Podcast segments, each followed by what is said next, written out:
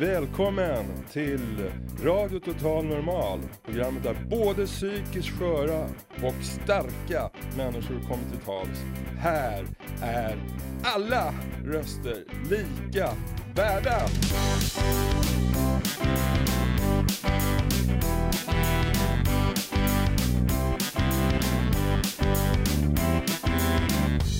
Hello there. This is Radio Total Normal. Hej, det här är Total Normal, eh, Radio Total Normal. Du lyssnar på Radio Total Normal 101,1. Totalt normalt. Radio Total Normal 101,1.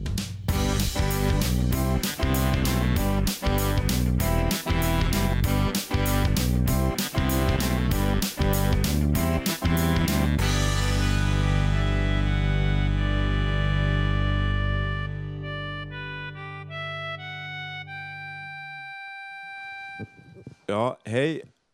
Hej och välkomna till vår eh, sändning Radio Total Normal. Eh, vi sänder från Fountain House, Götgatan 38 i Stockholm. Eh, vi har ett gäng här som vi inte har sett tidigare, några nya. Jag tror det är Janne som har kommit och en annan Jan. Och vi- vi har ganska lugn stämning idag.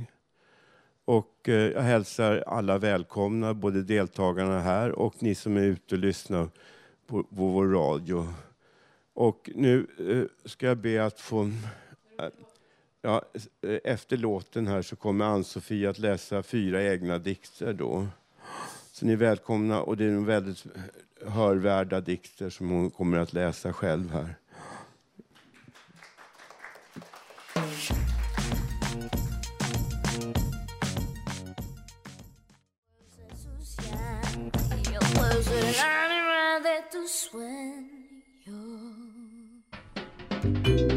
Poesi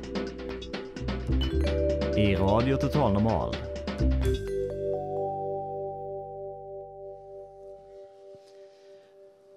Ja, det var jag som var Ann-Sofie. Och jag skriver mina dik- dikter själv. Den första dikten heter Vi fikar. Ta en, ta en till. Varför inte? Det smakar gott till teet. Har du bakat igen? Ja. Hur ofta bakar du? En gång i månaden. Sockerkaka och ibland matbröd. Tycker det är roligt och jag har alltid bakat. Vill du ha mer te? Ja, tack. Vad har hänt sen sist? Ja, det var kul att höra. På jobbet. Då åker vi ut igen. Vi är fem personer. Vi samspråkar på Roslagsbanan och har trevligt. Kaffet är påsatt. Jag tar en kopp utan mjölk på jobbet. Vi byter snabbt om. Sedan går vi ut och hämtar skottkärrorna. 40 boxar att mocka under dagen. Det är tungt fast inte stressigt. Solen ligger på galoppbanan. Det är kul att se hästarna snabbt galoppera på banan. De är väldigt lättskrämda, blir nästan rädda för ett andetag. Runt 15 är vi klara för dagen. Trötta sitter vi på Roslagsbanan på vägen hem. Vi talar lågmält till varandra. Det där har ju lite grann att göra med att vi jobbar tillsammans här och har gjort i flera år på Täby galopp och det är lite sammandrag därifrån. Nästa dikt heter På stan. Snabbt promenerar jag från tunnelbanan. Det är några affärer jag ska besöka. Det är inte så mycket folk så här tidigt och det underlättar. Väljer ut en del snygga kläder. Prövar snabbt fyra klänningar. Nej, det var inte så bra. Jag ser ju så stor ut. Tar alla klänningar och hänger upp dem igen. Vill inte ha något, lämnar affären. Går in i en annan affär. Där ser jag en klänning som är snygg. Jag prövar den, den passar. Bestämmer mig för den, betalar och går. Hästarna. Det är vackra djur. Roliga att ha att göra med. Det är kul att rida och ta hand om dem, samtidigt en trevlig avkoppling. Man njuter samtidigt av naturen när man rider. Galopphästar är på ett sätt, deras motsats är nog shirehästen. Galopphästarna är nervösa och känsliga medan shire är lugna och pålitliga. Sen vill jag avsluta med att spela Se havet av Susanne Alvegren.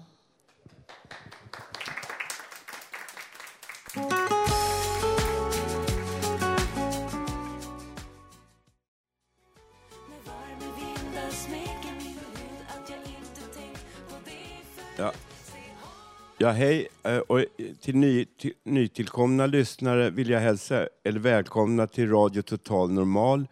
Vi sänder från Götgatan 38 från Fountain House som är en världsomspännande rehabiliteringsrörelse kanske man kan kalla för människor som har haft psykisk ohälsa. Och nu ska vår medarbetare och vän här, Robert N, läsa eh, någonting han har skrivit om angående vår tro, eh, trosfrågor. Varsågod Robert. Jag har en liten text här som jag kallar, som jag skrivit till idag, som jag kallar Förtjänar vi detta? Vad finns efter larvens liv?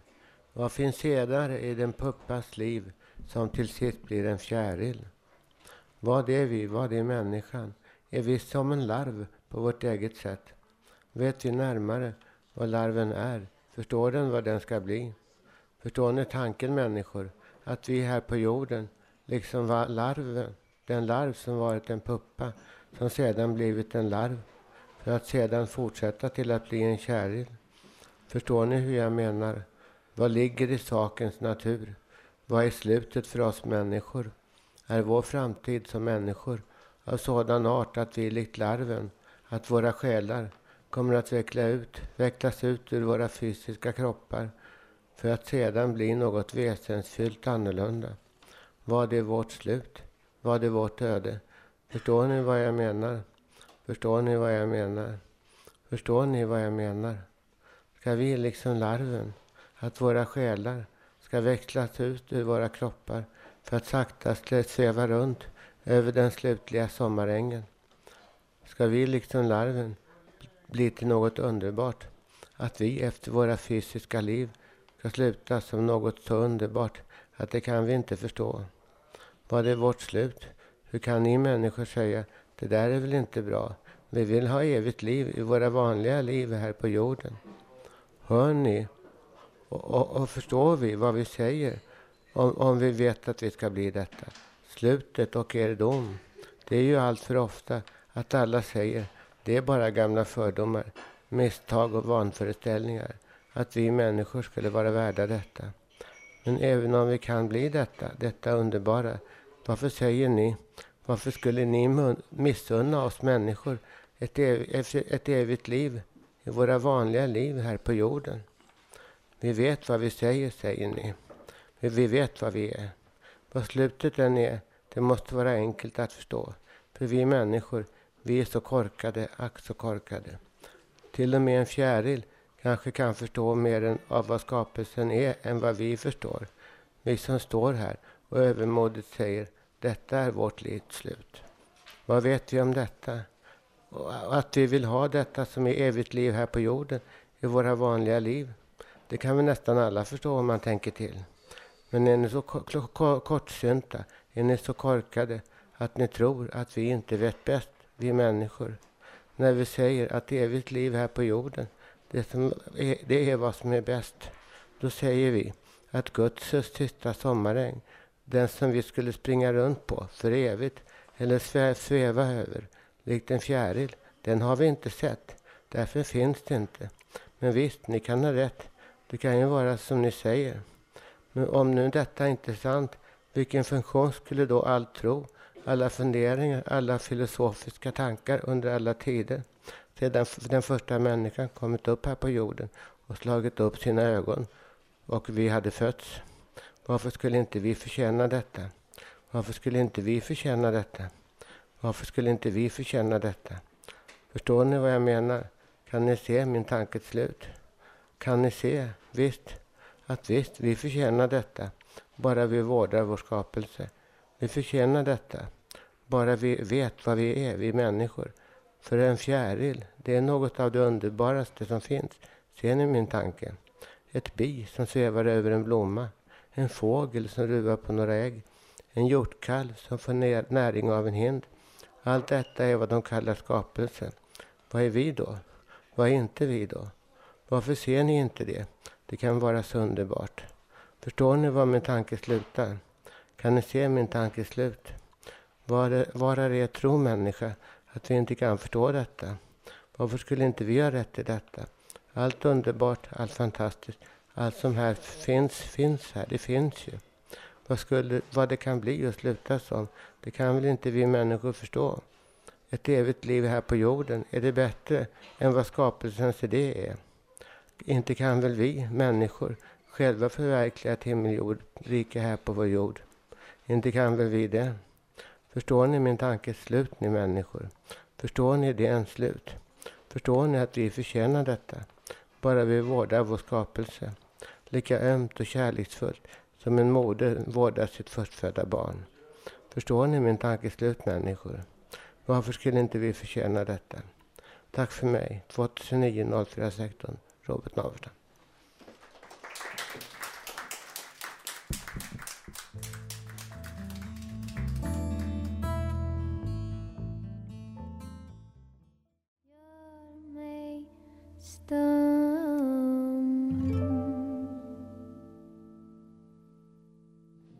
Jaha.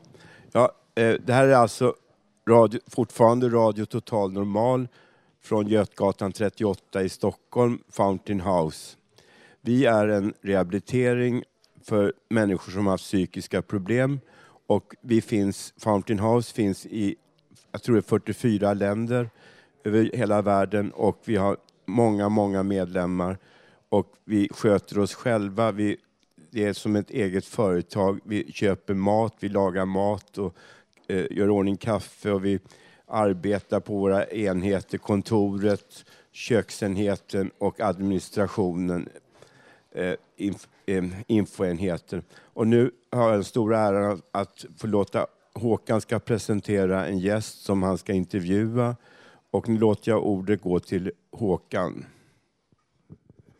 Ja, jag har träffat en av försäljarna av den här situation Stockholm, nämligen Jan eh, Andersson. Och jag tänkte ställa ett par frågor till honom. Kan du berätta vad eh, Situation Stockholm är för slags tidning? Ja, det är en förening för eh, de hemlösa. Och eh, vi stöder dem till 100 procent idag. Det, tyvärr så är det för många hemlösa här i Stockholm, tycker jag. Och själv är jag dalmas. Och eh, de har lite roligt åt mig här, 08 som jag säger. För att eh, jag har ju sökt bostad i längre tid här nu, två år snart. Jag bor på tillfälligt boende, tyvärr. Och att jag kom hit till Stockholm det var på grund av min mor. Hon var från Söder. Och det var 2005.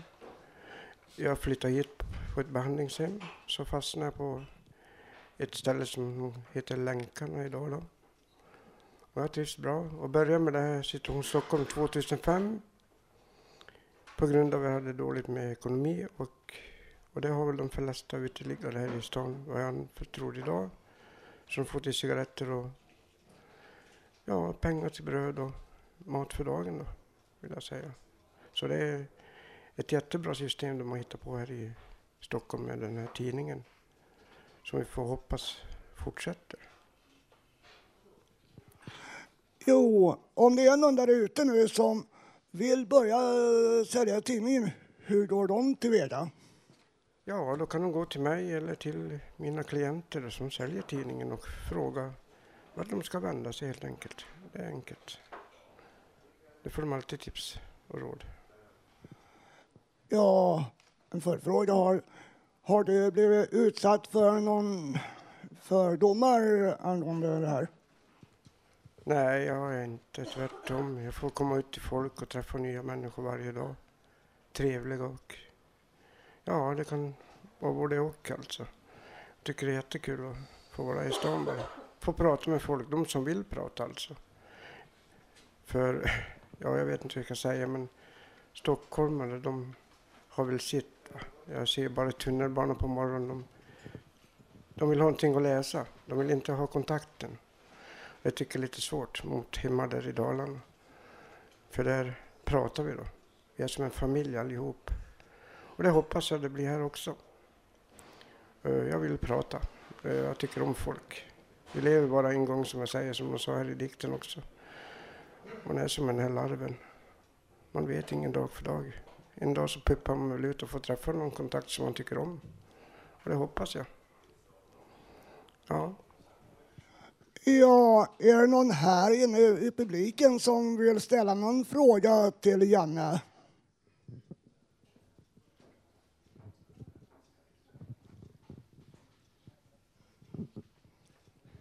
Ja, eh, jag skulle vilja fråga då ehm, eh, hur, hur det känns att eh, inte ha eget boende och tvingas leva under så här dåliga omständigheter. Min uppfattning är ju det alltså att det är det som verkligen behövs i Stockholm. här. Det är nya hyresrätter som vem som helst har råd att bo i. Vi kan inte ha ett, ett, en bostadsmarknad som är för människor som är miljonärer. Va? Det går inte. Och jag ska ställa den frågan till Janne då, hur- för det måste ju kännas väldigt frustrerande i allra högsta grad. Ja, det är fruktansvärt drygt. Men jag tycker de här företagen som har gamla husvagnar och typ det, som bara bränner upp dem.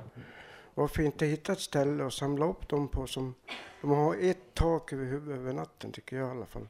Istället för de här jäkla härbärgen och typ det. Jag har själv legat en natt på det och aldrig mer. hoppas jag slipper att göra det. Jag blev av med skorna när jag vaknade. Det var mitt i vintern. Det här var 2005, vill jag minnas. Och det var ingen rolig syn, vakna på morgonen utan skor. Så det var hårt. Så låg vi på båten, jag och en som hette Pirre, och det var en göteborgare. Och vi luffade lite här i stan så jag fick känna på det också, utelivet här i stan. Det var inte roligt.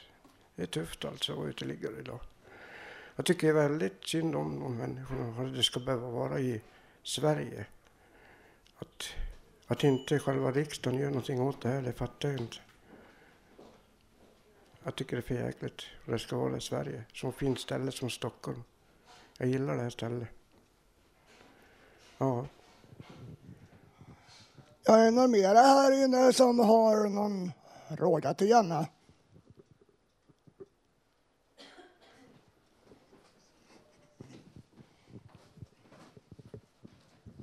Ja, hej. Jag har ingen fråga, men jag, jag brukar köpa tidningen faktiskt ett tag sedan och jag tycker det är jättebra att läsa i den. Och jag brukar köpa för de som är fräscha och fina och klädda. Och, ja, jag vet att det är 20 kronor för, går till de som står där och hela dagarna och säljer tidningen. Så tycker jag är bra jobb. Och det är jättebra tidning. Fortsätt med det. Tack. Ja, är det då att det är någon som det är inte bara Janne som säljer de här tidningarna så tycker jag är en stor styrka för er att ni verkligen vågar visa att ni också är människor. För alla har vi våra problem att lösa. Och vi ska vara en stor familj. Är det någon mer som har någon fråga? Nej, jag tänkte också bara uh, säga det här att uh, det är ju liksom till vissa grupper, den här bostadspolitiken som vi har, uh, uh, det, är ju, det är ju helt galet alltså. Och det är många grupper som blir lidande. Och det är också sådana som, eller folk som har psykisk sjukdom och sånt där, så hamnar väldigt lätt det finns inga liksom konkreta strukturer och sånt där att det skulle funka. Och, det, och studenter, studenter är en, en grupp också. Så, men det är liksom ur all kritik, alltså det, det, det, jag har väldigt svårt för mig.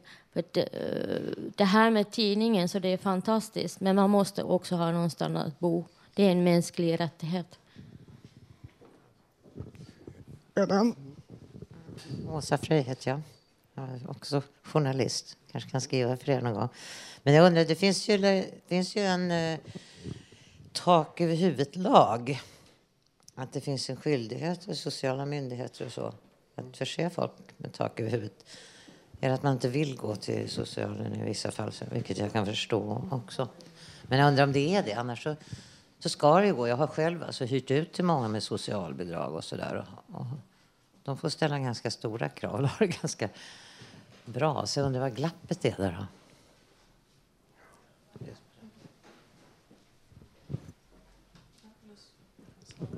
Ja, nu lämnar jag ordet till Janne då. Ja, jag ska tack för delningarna. Tycker jag var bra. Ja, då får vi tacka alla andra. Och tacka Janne för att han kunde ställa upp.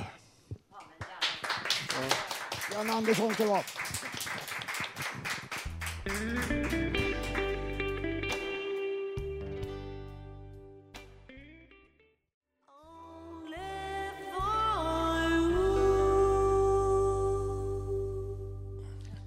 Ja, och nu ska jag be att få lämna ordet till Martin Blomsterstrand som har skrivit en dikt som han läser själv här. Han är precis beredd att göra det och det är lugnt och stilla i lokalen och alla och en god stämning här. Alla verkar vara väldigt upprymda och glada idag.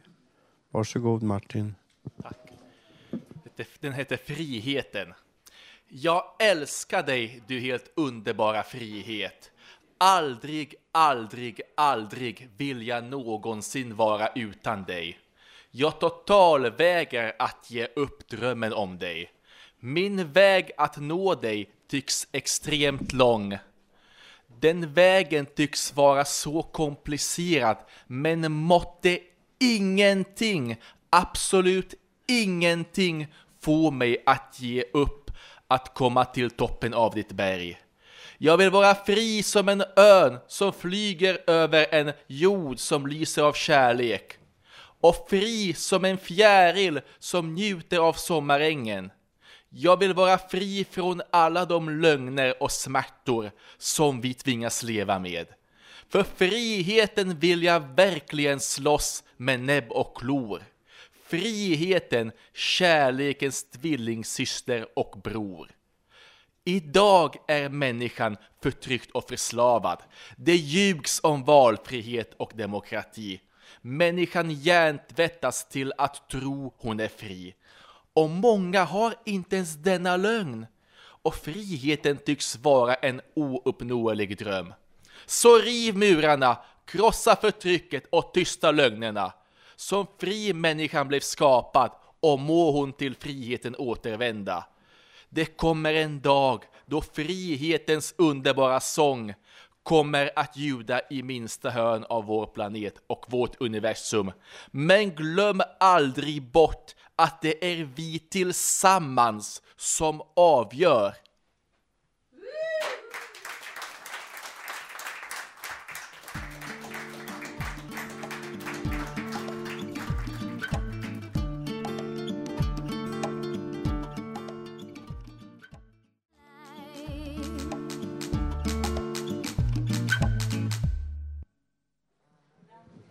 Ja, nu ska vår medarbetare Jan läsa eh, någonting om Frälsningsar Frälsningsarméns sociala centra. Varsågod Jan. Jo, jag har varit medlem i Riksförbundet för eh, RSMH, för mental hälsa, men jag har inte fått någon hjälp av dem. Så jag har fått vända mig till, eh, till Frälsningsarméns sociala center. Jag vet inte om jag har träffat dig där. Och där har de ju också hemlösa. Och jag träffade en gubbe där som heter Håkan och, och en del hemlösa de har ingen adress och de har svårt att få ut pengar så han har haft eh, olika problem med olika stadsdelsnämnder. När man inte har någon adress då vet de inte var någonstans de ska betala. Och, och sen eh, har det varit de som har kampat på Långholmen här och där får man inte kampa och, och sen har folk inte kunnat gått så det är inte alltid så lätt med de hemlösa. Och, eh, men han har gått i pension och de har inte haft råd att ersätta honom. För de, de får inte lika mycket pengar längre och han var någon sån där specialist som kunde myndigheter och sånt där och det har inte de råd. Och, och de har vid Hornstull där alltid en massa hemlösa som går dit. Men, men jag tror inte att alla som går dit och, och får eh, mat och sånt är hemlösa. Och sedan när de stängde mentalsjukhusen, då var det många som inte klarade av egen boende och 30 procent av de som bor på gatan, de ska visst vara, hem, vara ifrån före detta mentalpatienter. De, de klarade inte av att leva i en egen lägenhet. De, grannarna klagade på dem och, och de skrek hela nätterna. Och, så många är före detta patienter, men det är ju länge sedan så det är ett ganska hårt liv att leva på gatan. Och vi har haft hemlösa i Grimstaskogen och sen har det börjat brunnit där så, så det är inte så lätt att ge bostäder till, till alla. Men, men eh, jag fick åka till Bokmässan i Göteborg. Hade Frälsningsarmén något så jag fick gå till Göteborg och sen fick jag adresserna till sociala center. Och sen så sysslar Frälsningsarmén med eftersökningsbyrå. De söker efter folk och annat. Så när jag får kontakt med dem har jag fått bott i eh, andra länder på deras härberge. De har, de, Frälsningsarmén finns i 50 länder. Så, så de har kontakt med varandra och, och eh, det är ganska billigt att bo på deras härberge men inte alltid så, så roligt. Och Höga Lidskyrkan vid Hornstull, de ger visst dem lite pengar men, men med den här finanskrisen så börjar det bli mycket sämre och fanns det inte Frälsningsarmén eller Stadsmissionen då, då skulle ingen göra någonting för de hemlösa. Och, och sen jobbar jag själv för en tidning här. Jag jobbar för Västerort här. Och som jag delar ut. Och därför har inte jag haft själv så mycket tid att, att komma hit. Så det tar mycket tid för mig Och, att dela ut. Och det här är en lokal tidning. Den, den vill ha lokala nyheter. Och där tycks, tycks det inte vara någon speciell finanskris. Och den här tidningen som jag har tagit en artikel om Frälsningsarmén, den här gubben som är här på bild, han har gått i pension. Så det så, och den här, han som jobbade där förut, så det är mycket tårtor där på Frälsningsarmén som de bjuder på. Men då bjuder de alla, även de hemlösa. Och den här tidningen, den är en tidning från Uppsala och i, i Uppsala där, där tycks alla som är på mentalsjukhus komma från det här förbundet. Och sedan hade jag skrivit någonting om Fontaine House här, eller jag tänkte läsa upp, men det kanske kan läsa upp nästa gång. Men i varje fall, fanns det inte Frälsningsarmén som gjorde någonting för de hemlösa, ja, då skulle inte ingen göra det. Eh, sociala myndigheter, de struntar totalt. Men, men det är inte så lätt att... Eh, med, om man dricker mycket så, så kan det vara vissa svårigheter. En, en del vill inte... Eh, de, de föredrar att dricka än och, och, och eh, sova i skogar och annat. Och, så det är inte så lätt med. Så, så, och de utomlands så har de ju också hemlösa. Det är ju inte bara Sverige som har hemlösa.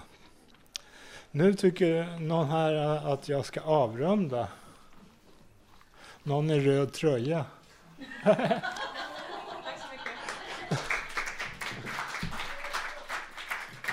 Jag skrev Men hörde aldrig riktigt vad jag sa Kom och ta mig eller låt bli för sån här är jag Ja, det vill jag förbi Ja, nu ska en, en radiogäst som nyss som har kommit hit. Och han heter Jonas Kronman, ska spela en egen låt här då. Varsågod Jonas. Tackar. På en bänk satt en clown. I ansiktet fanns glädjen. Där bakom fanns det sorg. Bänken var hans trygghet. Hans egen slutna värld.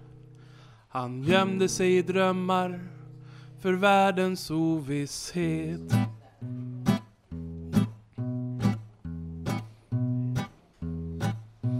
Människor de kom och gick, passerade förbi.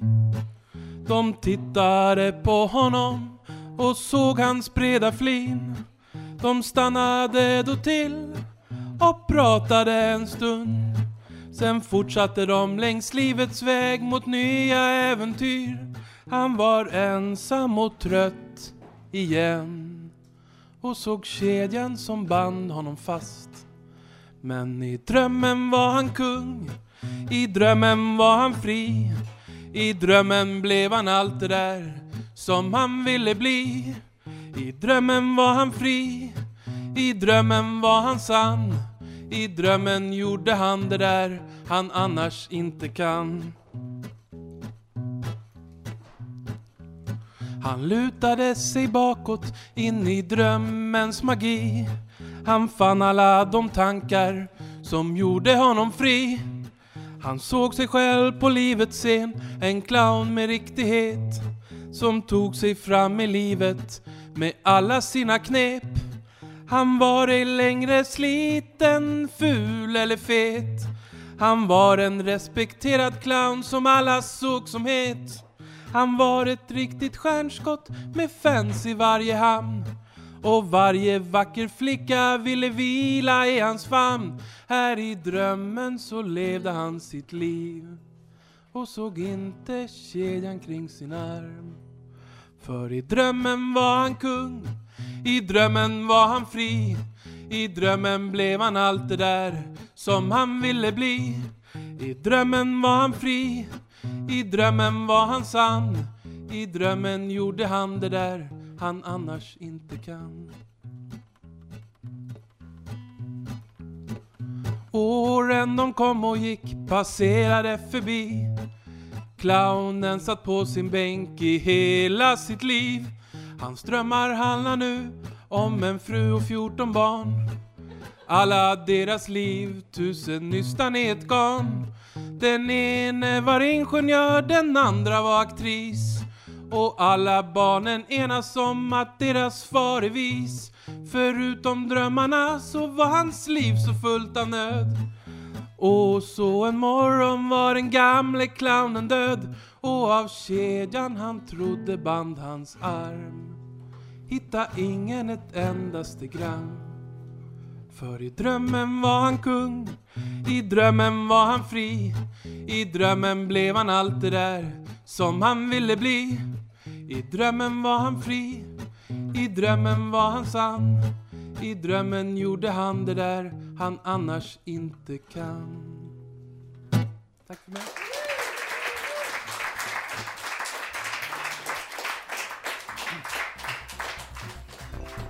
Jag heter Ann-Marie Risberger. Och jag heter Lillemor.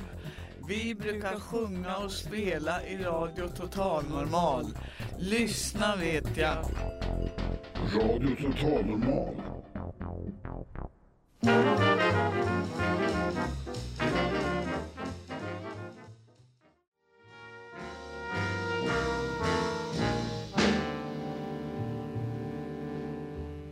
Hello, everybody out there. This is Radio Total Normal, broadcasting on the frequency one, 101.1 megahertz uh, from Stockholm, Götgatan 38, Fountain House. Radio Total Normal, the best uh, radio station ever in the, this city.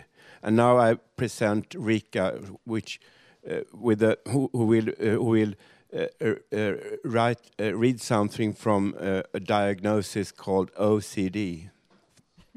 Please. Okay, Rika. it was very nice. Talked like that in English. Eh, ja, ja, man skulle skratta eller man vet inte hur ska man liksom närma det här ämnet. eh, Men alltså OCD, det låter som en japansk bil. Eller en CD som har hackat upp sig. Därför att det är egentligen det som det handlar om, att hacka upp sig. Eh, På engelska den heter Obsessive Compulsive Disorder. Eh, och sen helt för svenska så tvångsbeteende. Och eh, all, ganska många som har lidit av psykisk ohälsa så kan ha lidit eller lider lite grann också en sånt beteende. Och där är känslorna, tankarna och beteende, det är en samma salig röra. Och jag menar, alla människor skapar ritualer och kontroll i sitt liv. Men eh, hur märker man att det börjar bli tvång alltså? Då är det... Man, man har liksom två sådana här klassiska eh, exempel. Till exempel tvättkontrollen. Eh, man tvättar inte bara en gång händerna efter toabesök eller sådär, utan, utan fem gånger, 15 gånger, 20 gånger och varje gång, alltså tills händerna blöder. Och jag menar, det här är sånt där beteende att man kanske man måste bli medveten om det. Någonting är fel. Annars man tror att det liksom, och det stör väldigt mycket just bara sån här vardagsliv. Ehm, den andra klassiska är så här att man, det har jag råkat själv ut, ut för, är katastroftänkandet. Eller sen just det här att man är där i köket och går fram, fram och tillbaka. Spisen stängt, kaffekokaren stängt, spisen stängt, kaffekokaren stängt. Och sen går man där, ding, ding, ding, ding, ding, ding som en pingisboll. Och det tar 20 minuter, halvtimme, en timme. Eller man duschar. Man duschar inte en gång per dag, utan man duschar tre, fem gånger per dag. Så det är klart att det liksom börjar verka lite där i livet. Därför att man gör ingenting annat än duschar och sådär. Um, och det kan låta lite skojigt och sånt där, men den här ångesten som styr där, den är ganska besvärlig. Och när man väl hamnar eller söker hjälp eller söker det kanske det bästa är. Jag har läst böcker, är en beteendevetare.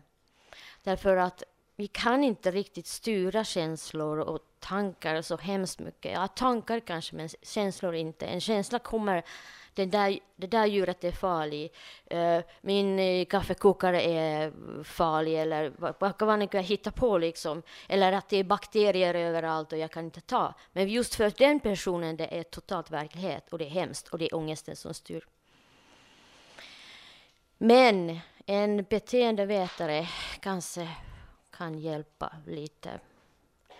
Eh, det blir också att man blir väldigt isolerad i sitt liv. Och om du känner igen lite grann sådana här saker i ditt liv, det behöver inte att du har just precis OCD, eh, Obsessive Compulsive Disorder. Eh, du kanske inte behöver få, men att du har tendens att eh, få sådana här beteenden. Sök hjälp. Det finns hjälp att få. Det är jag säker på. Tack för mig.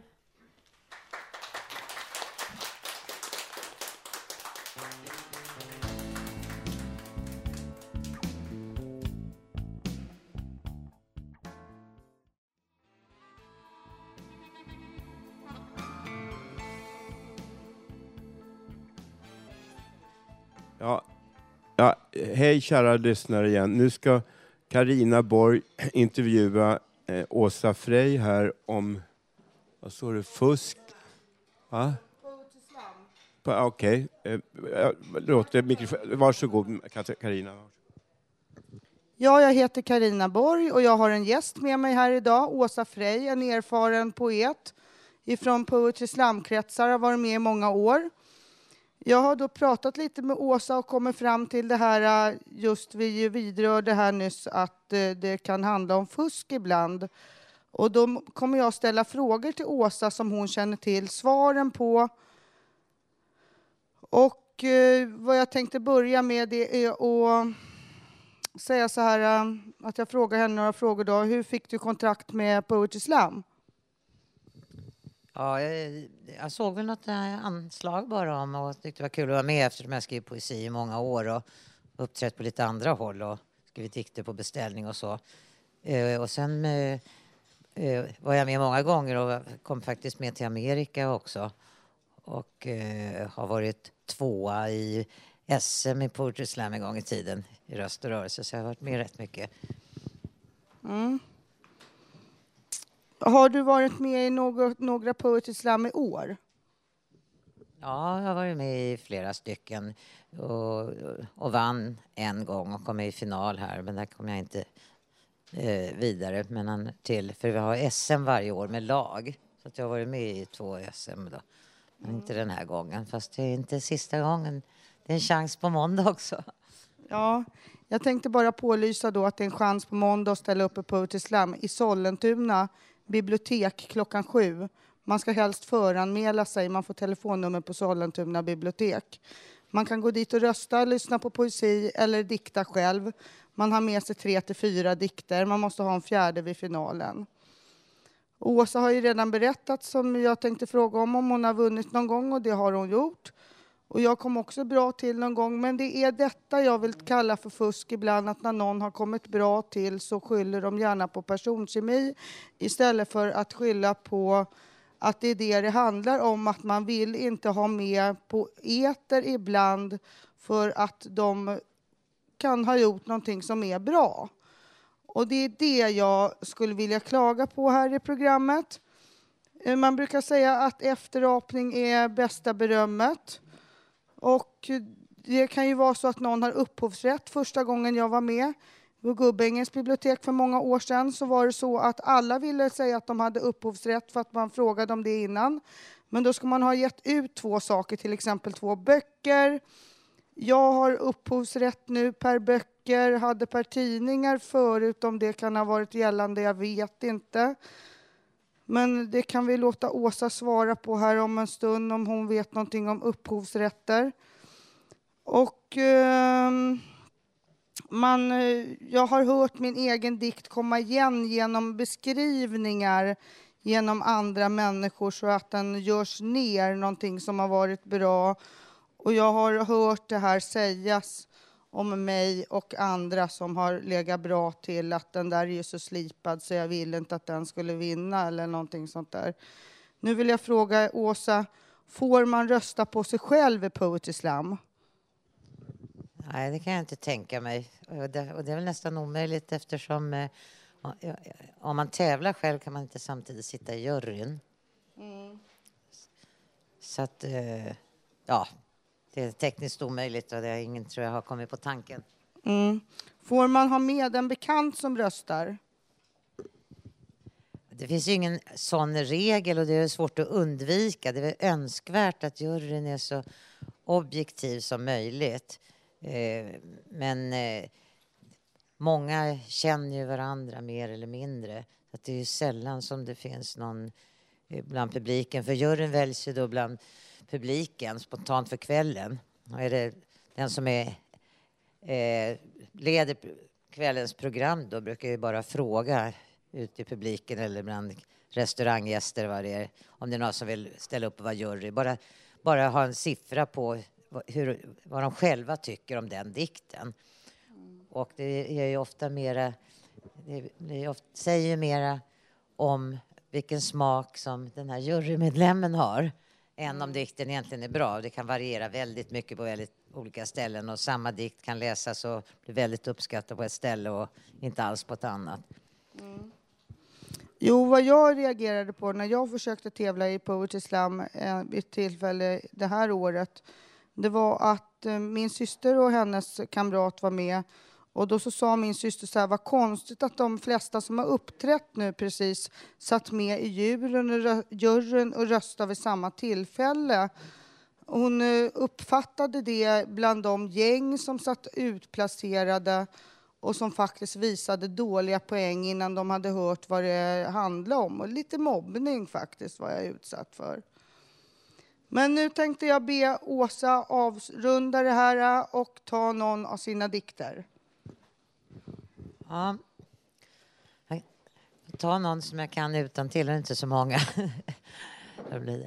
Eh, det här är lite typiskt dikt för mig också för att jag, jag skriver gärna lite klassiskt rimmat. Jag är uppväxt med en pappa som var svensklärare och översättare och lite, och min, min bror likadan översätter nobelpristagare och så vidare. Så jag har en sån här klassisk uppfostran med Fröding och, och um, alla stor, tyska storheter och sånt där. Så det har sitter djupt i mig att, att dikt ska vara rimma. Det är dikt och prosa liksom, inte, inte dikt som prosa. Eh, och sen så eh, har jag eh, i min journalistiska gärning då så har jag skrivit om eh, mycket om eh, livsåskådningsfrågor. Så att det är mycket intresserad av filosofi och etik och andlighet och funderar över livet. Och den här är då lite symbolisk som jag tycker dikt ska vara men inte, inte för svår utan man kan eh, se den på två plan. Den är liksom vad den är och sen har den annan botten. Eh, när så här Förresten, jag kan stå och läsa den därför att det här, den här ska äntligen dramatiseras. Och det, det, när jag kom som bäst då, två på CM, då var det en gren som heter röst och rörelse, att man dramatiserar sin dikt lite grann. Och den är så här. Jag vandrade bland alla tavlor i hans stora, stora ateljé. Och jag såg och såg och undrade och måste mera se. De föreställde alla livet. Men ingen gav mig svar. Jag såg och såg och undrade var finns den rätta bilden? Det måste finnas en. Men var? Så fann jag konstnären till slut och ropade Hur ser då själva livet ut? Han log och sa att eh, ingen tavla visar rätt och gav mig vänligt istället sin palett. Han gav mig färger, penslar och en tom panå och bad mig måla själv så skulle jag förstå.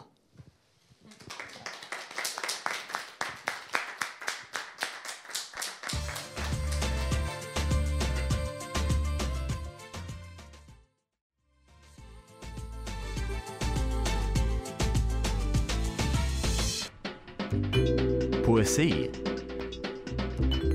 i Radio Total Normal.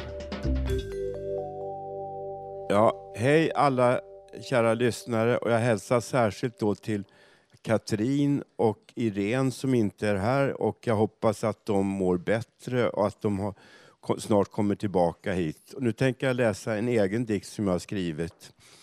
Det börjar så här. Det vackraste i livet är en redbar ensamhet som skjuter skott när det blir vår, likt en blomma eller en tår. Sorg och glädje följas åt, varthän mina drömmars kamp mig föra vill. Livet föddes vi till, livet är allt vi har, allt vi kan uppnå, även i en ensamhet, likt stjärnor i rymder utan slut, till dess att jag når ut, utsidan av ett förlorat jag. Jaget har lämnat sin boning, öde och försoning, här och nu. Be för mig idag och jag ska be för dig imorgon. Och i det ögonblicket föds jag här och nu, jag växer inom mig. Förrän jag på vägen stupat kull skall jag för kärleks skull älska en vän mer inom mig, mer här och nu. Han som dog på korset för min och din skull är mer värd än makt och guld. Israels morgonstjärna skall stråla klar och Guds sanning bli uppenbar. Och jag förlåter allt och alla, här och nu, intill evighetens soluppgång, tidlöst, evigt, outsägligt.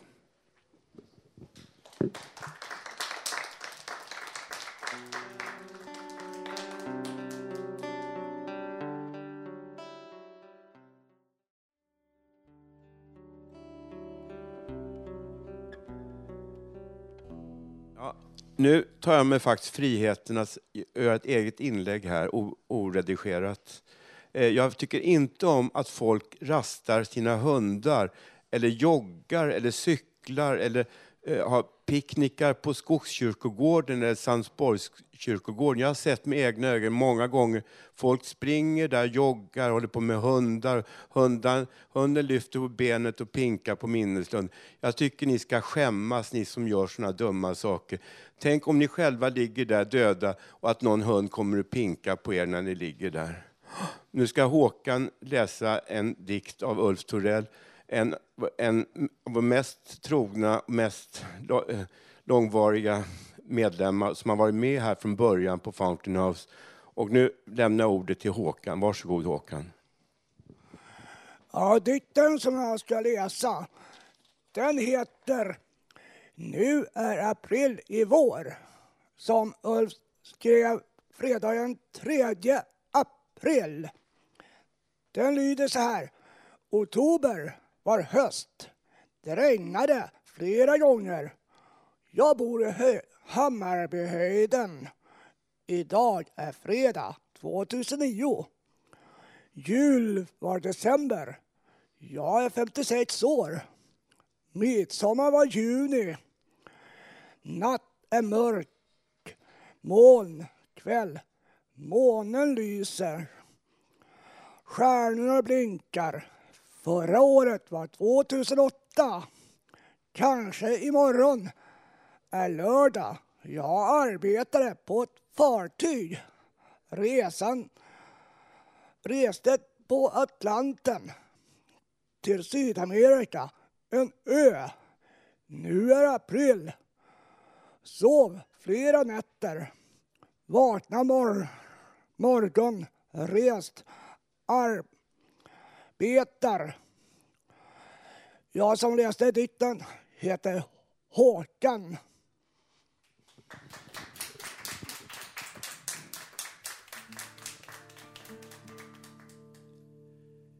Jag knyter näven kring plogen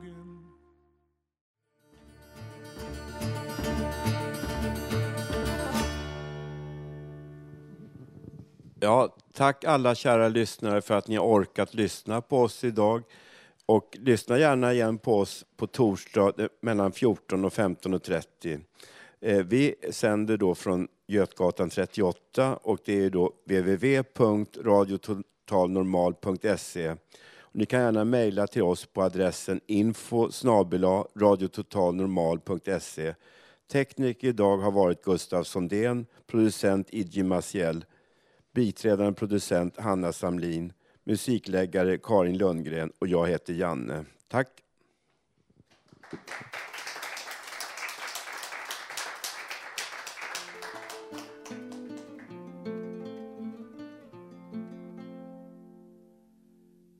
Jag minns dig Amanda på en regnvåt gata